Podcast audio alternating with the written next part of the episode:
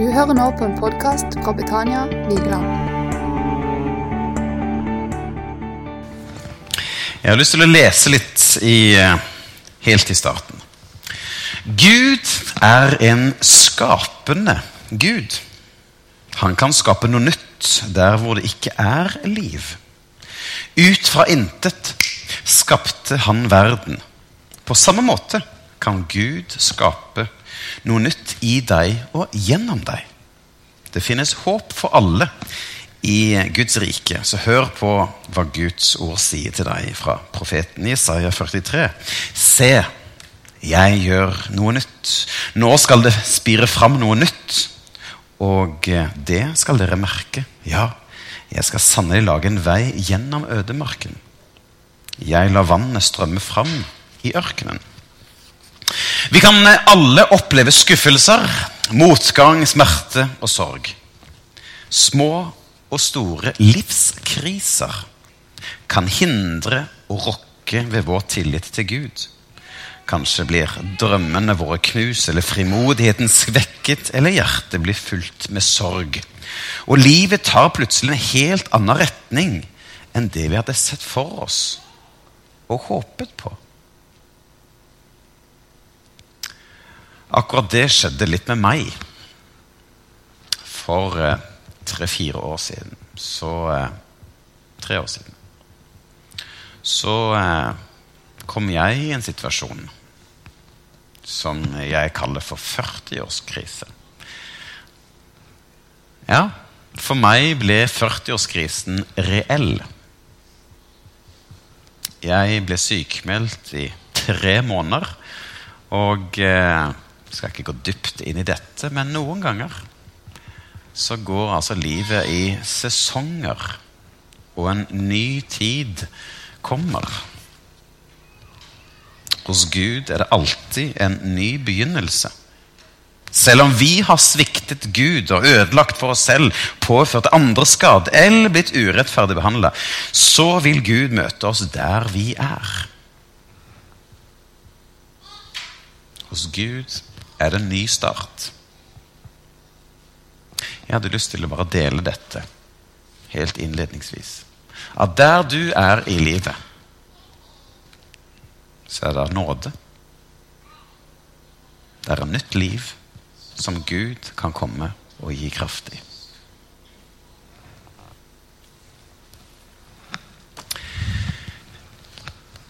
Jeg har studert ledelse og teologi. Og eh, akkurat nå, som flere av dere så på Instagram eller Facebook, så har jeg der fått min eh, bachelor i ledelse og teologi.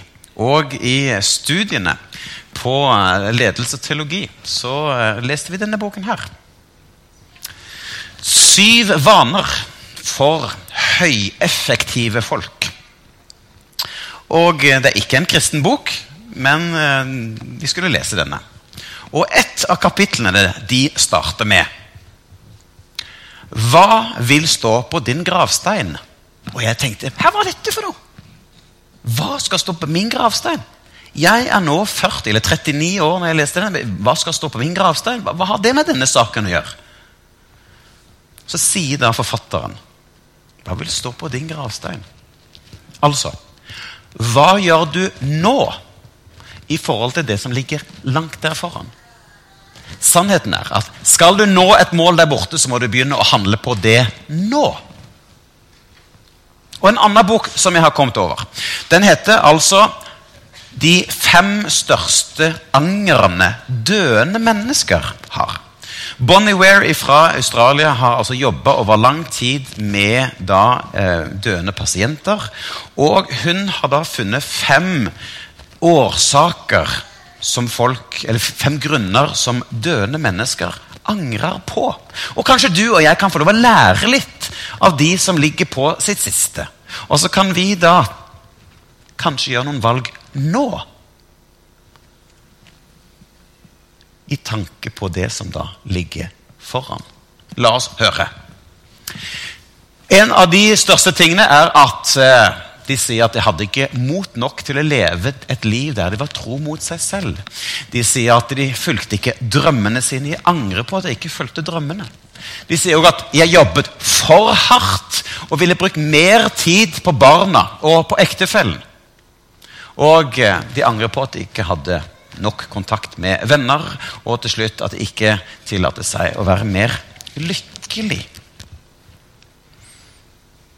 Dette er altså de fem grunnene for at folk, det folk angrer mest på i det siste av deres liv her på jord. Og kanskje vi òg kan tenke hvilke ting kan jeg justere her og nå med tanke på det liv jeg har igjen? Hva står på din gravstein? Hvordan vil du planlegge fra nå av og framover? For sannheten er jo at det man investerer i, det vil vokse. Altså det du bruker penger på, energi på, det vil vokse. Hvis du trener mye, ja, men da får du en veltrent kropp. Hvis du spiser sunt, ja, men da påvirker det livsstilen din. Bruker du mye tid på dine barn eller barnebarn, ja, men da bygger det en god relasjon med dine nærmeste. Bruker du mye tid med venner, ja, men da får du en stor og en god vennegjeng. Og Bruker du mye tid på jobb, ja, men da får du mest sannsynligvis vokse inn i nye oppgaver, nye utfordringer som gjør at jobben blir en større del av livet ditt. Men da, hva med din kjære? Hva med din kjære? Hvor mye tid investerer du inn i din kjære? Nå kan det være at noen her ikke har en kjære. Men allikevel har jeg lyst til å berøre noe, for jeg skal komme innom litt med barn og litt sånn etter hvert. Men jeg har lyst til å snakke litt om ekteskap, eller din kjære, i forhold til den livssituasjonen du er i. Fordi her har vi min drømmebil. Er det noen som ser hva dette er for noe? Nei? Det er en Tesla. Det er en Tesla X. Det er min drømmebil. Og hva er det Tesla har gjort? Jo, de har bygget en av de mest sikreste biler som finnes. Hva har de gjort? Jo, de har tatt dette på alvor. Altså dødsstatistikken i veiene har de sett nærmere på. De har sett på av det jeg ser her, Øverst på medvirkende årsaker til dødsulykker, altså hele 52% av dødsulykkene da på norske veier, har skyld i manglende førerdyktighet. Altså, jeg som sjåfør har gjort en dårlig jobb som gjør at det har endt med en dødsulykke. Ja, nå er jo jeg her, da, men hvis jeg hadde vært i en dødsulykke Så skyldes mye meg. Andre ting er fart. 41% Fart gjør at det ender i dødsulykker. Og så kommer det her knyttet til vei og kjøreforhold og rus, vanskelig kjøreforhold osv. Kommer litt lenger ned på lista. Tesla har altså tatt den statistikken, og så lager vi de sikreste biler som finnes. Er du med på det? Nei, du var ikke med på det. Statens vegvesen sier at Ulykkesbildet domineres av møteulykker og utforkjøringer. Altså møteulykker og utforkjøringer med mer enn 70% av ulykkene. sier de. Så hva er det Tesla har gjort? Jo, de tar statistikken på alvor. Og da lurer jeg litt på Tar du statistikken på alvor? Hva mener jeg? Jo, denne statistikken handler om samlivsbrudd. Kanskje du og jeg skal tenke litt som Tesla. At vi tar statistikken på alvor. For hvis du skal investere inn i din kjære, ja, gjør som Tesla, som lager den tryggeste bilen. For de tar statistikk på alvor. De ser hvor det går galt, så lager de noe godt. Det kan vi òg gjøre i ekteskap. Vi kan lære av de som faktisk har endt med en dødsulykke i ekteskapet. De fire vanligste grunnene for at det skjærer seg i ekteskap, er at de skylder på at det er store ulikheter, at man har vokst fra hverandre. Ene har vokst den veien, andre har vokst den veien. Kanskje man har brukt masse tid på jobb eller fritid eller trening. eller noe sånt. Man sklidd fra hverandre. Det er én grunn. En annen grunn er at gnisten er borte. Det er helt dødt mellom oss to, så derfor går vi fra hverandre. Eller at det er dårlig kommunikasjon. Og den siste da, ulike former for utroskap. Det kan være seksuelt, det kan være tillit, det kan være økonomisk. Flere sider. Det er de fire vanligste grunnene for. Så hvis vi tar en Tesla på den her Skjønner du hva jeg snakker om?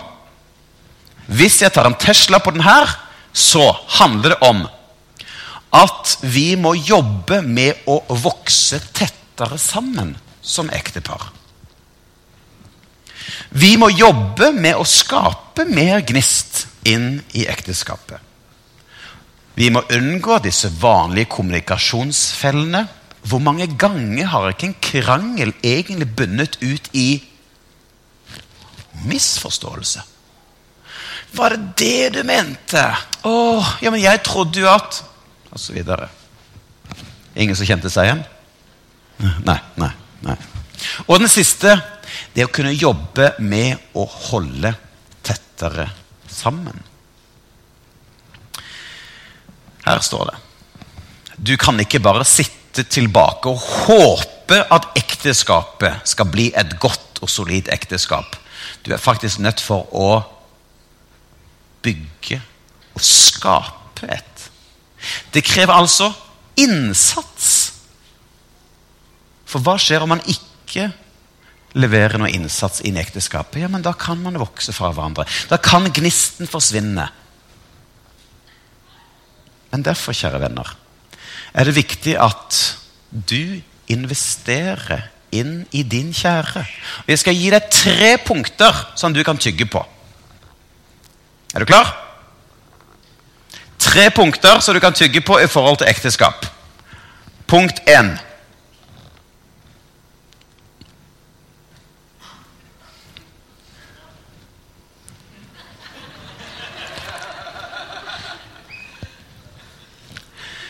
Bruk mer penger på din kjære. Jeg hørte nesten et halleluja her.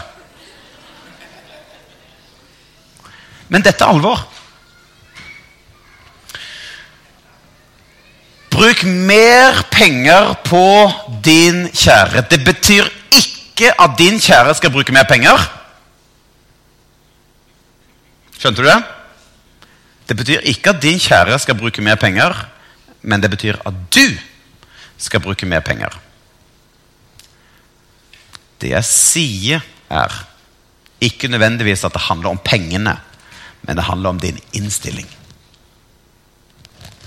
At jeg er nødt for å investere inn i min kjære kone. Jeg må bruke penger, tid, krefter for å bygge ekteskapet. Så for oss, jeg og min kone, så har det vært viktig. At vi er nødt for å være sjenerøse og være med og investere i hverandre. Slik at vi kan vokse tettere. At vennskapet som vi har, vokser bare tettere. Og Nå kan det være at noen sitter her og tenker ja, men det høres veldig feil ut at jeg skal begynne å bruke mer penger. Det høres sløsete ut. Ja, det tenkte jeg òg. Men en liten kaffekopp på en kafé med min kone er gull verdt. Det er investering, det. Det handler ikke om de store pengene. bare sånn du skjønner Det Det er ikke at jeg skal kjøpe meg ja, alt mulig til kona. Men det handler om min tankegang om hvordan jeg behandler min kjære. Så derfor bruk mer penger på din kjære. Vi går til neste, og det er Fortell din kjære hva du setter pris på. Det er veldig lett å tenke gode tanker om sin kjære. Altså, Jeg og Karina vi har 20 års bryllupsdag i august. Og jeg kan mene og tenke mye om min flotte kone. Men du og jeg må bli flinkere til å fortelle det. Si hva du er takknemlig for. Bruk ordene dine for å oppmuntre og sette fingeren på gode ting. Åh, Jeg er så glad, Karina, for at du vasker klærne. Når sa du det sist? Eller jeg er så glad for at du måker gårdsplassen når det kommer to meter snø på en halvtime på Vigeland. Takk for du tar traktoren og kjører snøen. Når sa du det sist? Det handler om å være med og sette pris på de små bidragene som vi gjør, og ikke bare tenke det, men si det. Og ja, jeg synes det er koselig når min kone Karina kommer til meg og sier takk for at du tok ut oppvaskmaskinen og satte alt på plass. Det var deilig å komme hjem fra trening når du har rydda kjøkkenet. Derfor, fortell din kjære hva du setter pris på. Så Siste punkt om dette med ekteskap. Hjelp din kjære til å blomstre. Visste du at det er din oppgave å få din kjære til å blomstre? Du skal være en gartner for din kjære. Du skal være med å få da denne veksten til å bli den beste utgaven av seg selv. Altså Min oppgave er å være med å gjødsle og stelle og ordne og kanskje luke litt, slik at Karina skal vokse og bli den hun er ment til å være. Og det kan du òg gjøre med din kjære. Være en gartner. Og noen ganger så kan det være litt vondt å beskjære. Men eh, det betyr òg at da kan det spire noe nytt fram. Det å gi masse energi er viktig for at du og jeg skal blomstre. Jeg vet ikke om du har hørt eh, noen snakke om ekteskapet på denne måten. Men ta med disse tre tingene. Tygg på dem. Bruk mer penger. Fortell og hjelp til blomstret. Gresset er faktisk ikke grønnest på den andre siden. Gresset er faktisk grønnest der hvor du vanner det. Så hvis du vanner mye gress på den siden der, og ikke på den siden der, så vil jo det vokse. Og ikke det. Og da er spørsmålet på hvilken side er din kjære? Skjønte du den? For hvis du tenker andre tanker om ja, men se på de, hvor flott de har det Åh, Tenk om jeg hadde heller hatt eller Da vanner du tanker den veien. Da vil det spire. Da vil det vokse. Men hvis heller du bruker å vanne mot din kjære Tenk så flott kone jeg har. Jeg er verdens heldigste som har den kona. Når tenkte du det sist? Ja, Eller motsatt. Du kan ikke, hvis du er kone, så ja, du skjønte hva jeg mente. Gresset er grønnest der hvor du investerer. Så er det òg et slagord som da sier at par som ber sammen, de holder sammen. Og visste du at en undersøkelse fra USA sier at 8% av kristne par de ber sammen? Kun 8% av kristne par ber sammen. Så hvis vi nå hadde tatt denne gjengen her og sett hvor mange av dere ektepar ber regelmessig sammen, så er det altså disse ti her. Alle disse her de ber ikke regelmessig sammen. Sida statistikk fra USA. Hm, nå er det USA, da, så alt er jo verre i USA. Eller kanskje ikke. Nå er jeg ikke her for å gi deg dårlig samvittighet for at dere som par ikke ber sammen. Men eh, vi kjøper jo forsikring for det ene og det andre. Innboforsikring og bilforsikring og forsikring på hytta og på båten og på alt. Men den beste forsikring er for de under 1 av kristne par som ber sammen, går fra hverandre. Skjønte du det? Altså 99% av de som ber sammen, holder sammen, sier statistikk. Så tilbake igjen til dere utvalgte 8% her, som ber sammen. Disse her, de holder sammen. Fordi at bønnen gjør at man kommer sammen på et litt annet, dypere plan enn bare disse trivielle, vanlige vennskap og osv. osv. Men klarer dere som par og å be sammen, så er det en kjempegod forsikring for ekteskapet. Noen synes det er vanskelig å be sammen med sin kjære, mens andre sier men vi har bedt siden vi var gift, siden vi ble sammen hver eneste dag. For noen er det naturlig, for andre er det vanskelig. Men Der handler det om å finne noen enkle veier. Det å kunne be sammen som familie, eller å kunne faktisk be inni seg etter man har lagt seg. Kan ikke vi bare be litt nå? Og så ber man inni seg, og så er det nok. Å finne en vane og en rytme som gjør at det går fint. Jeg og min kone vi klarer ikke regelmessig å få det til alltid. Det går i perioder. Men statistikk sier at klarer man å finne et åndelig fellesskap med dere to, så det er et sterkt lim. Når Gud er med,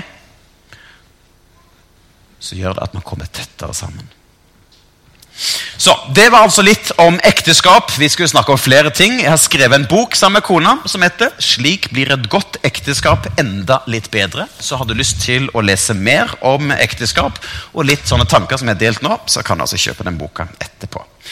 Men til sommeren så kom jeg med en ny bok som jeg og Karina har skrevet, som heter 'Slik hjelper du barnet ditt til å bli den beste' utgaven av seg selv.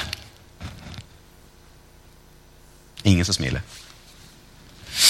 Skal lese titlen. Det er, det er sånn konkurranse i å ha lengst mulig titler. Men slik hjelper du barnet til å bli den beste utgaven av seg selv. Altså vi som foreldre og besteforeldre kan være med og gjøre gode ting for at barn eller barnebarn skal bli den beste utgaven av seg selv. Og Da skriver vi litt her om det å være en trygg og tydelig forelder, det å hjelpe barnet til å føle seg elsket, men òg å sette grenser, og til slutt om å forstå barnet. Vi skriver om diskprofil for barn. Kjempenyttig verktøy for familier som har barn boende hjemme. Den boka den kommer 20.6. Men hvis du bestiller en i dag, så får du altså den til en spesialpris. Så da kan du snakke med meg der ute. Da får du den for 260 istedenfor 300. Du sparer altså 40 kroner. Så Jeg har lyst til å snakke litt om dette med foreldrerollen. Fordi vi skal se på en liten skala. Og på den ene siden her borte så har vi altså da omsorg, varme og støtte. Og på den andre så har vi myndig og kontroll og oppfølging og system. Så på en eller annen plass på denne skalaen er du. Noen er veldig varme sammen med mennesker, og så foreldre. Besteforeldre. Som gir masse ros og masse oppmuntring og masse klemmer og er veldig støttende og veldig kjærlig. Mens andre foreldre eller besteforeldre kan være litt sånn litt harde, litt bestemte, må følge regler og systemer. Og hvis man ikke følger systemer, så blir det konsekvenser. På et eller annet sted på denne skalaen ligger du. Du kan tendere mot denne litt bestemte, harde siden, litt konsekvente siden. Eller du kan tendere litt mot denne siden og kanskje ytterst konsekvent bli veldig ettergiven. Og barna får alt de ønsker seg til enhver tid. Og, og vi foreldre står med, med, lua i hånda og vet ikke helt. Ja, men det er helt greit. Vær så god. Hvor er du? Så, Vi tar altså den skalaen og så putter vi det inn i denne biten her. Og nå kan du se at her borte så har vi kontroll og oppfølging. Det var litt denne siden her. Og så har vi altså varme og støtte her oppe. Det var denne siden her. Så da har vi altså enten så er det mye her borte, eller så er det lite. Lite varme eller mye varme. fire ulike foreldrestiler. Og vi starter med den her nede. Altså lite varme, men mye kontroll. Kalles for autoritær oppdragerstil. Si autoritær. Én, to, tre. Og det Spoler vi tilbake til 1950-1960-tallet, så var det en vanlig foreldrestil. Altså at foreldrene satte klare krav, klare regler, og hvis barna ikke fulgte dem, så ble det konsekvenser og straff. En autoritær barneoppdragelse. Altså tydelige regler med stor forventning. Og man brukte mer tid på det å korrigere ah, ah, ah, ah Ikke gjør sånn! Nei, nei, nei, nei. Ah, ikke lov! ikke lov, mm, mm. Enn det å bekrefte og si 'Bra jobbet! Så flink du var!' Man var mer opptatt av reglene enn oppmuntringen. 1950, 1960-tallet. Og da står det her at barna de lever med frykt for at de kan få dårlig selvbilde siden korrigering blir for stor. Altså det ble for mye hakking på barna. Og forskere sa at nei, det er ikke den beste måten å oppdra barn på. Så autoritær var vanlig. Og flere har litt autoritær stil i måten man oppdrar barn og barnebarn på. Men på 1970-tallet så vokste opp en motreaksjon mot den autoritære. Som da kalles for neglisjerende. Si neglisjerende. Én, to, tre. Da er det mer den frie barneoppdragelsen som kommer på 1970-tallet. Altså, vi skal ikke ha mye kontroll og system, vi skal ha lite. Vi tenker at barna skal ha så lite uh, voksenstyring uh, som mulig. Som gjorde at barna fikk fri utfoldelse og kunne gjøre litt hva de selv ville. Altså, Barna utvikler seg uten særlig vokseninnblanding, og det er lite ledelse og få grenser. Hva skjedde med barna? Jo, barna ble usikre og tilbaketrukne. Fordi at det var mangel på tilbakemeldinger. Jo, man tenkte veldig godt ja, men barna skal klare seg selv. Men man så at ja, men man trenger tilbakemeldinger underveis. For å si ah, ah, ah, det der er ikke lurt. Nei, nei, nei ikke finn på sånn. Det er å lære uklokt å bruke kniven på den måten. Ikke sant? Så på 1980-tallet så ble det en motreaksjon igjen på at ja, men hallo, vi kan ikke være så kalde. Vi må være mye mer varme. Og da kom dette som kalles for ettergiven forelder. Si ettergivende. Én, to, tre. For man så man kan ikke være verken så hard som de autoritære. Man kan ikke være så likegyldig. Men man må ta å, altså Kommer barna ja, men Vi må gi alt de ønsker seg. Ja, ja, ja. Om de maser Ja, men vi gir dem alt. Men da har man gått i den andre grøfta igjen. For de ettergivende de har masse omsorg, masse kjærlighet, men de orker ikke ledelse. Vi kan se litt det i dag òg. At foreldre har krevende jobb og kommer hjem, masse som skjer hjemme, og så bare øh, orker ikke ta tak. Nå, nå har jeg gitt så mye på jobb at nå er jeg sliten. Nå kan de klare seg selv. Og så bare gir man etter. Og da står det her at barna de blir kravstore fordi at de forventer fordeler. De vet at krangler de nok, så får de sin vilje. Men da blir de veldig egoistiske og veldig egosentriske hvis vi har den oppdragerstilen. Og Derfor så sier forskere at den beste måten å oppdra på, enten du er besteforelder eller forelder, er det som kalles for myndig oppdragerstil. Si det. Myndig. Én, to, tre.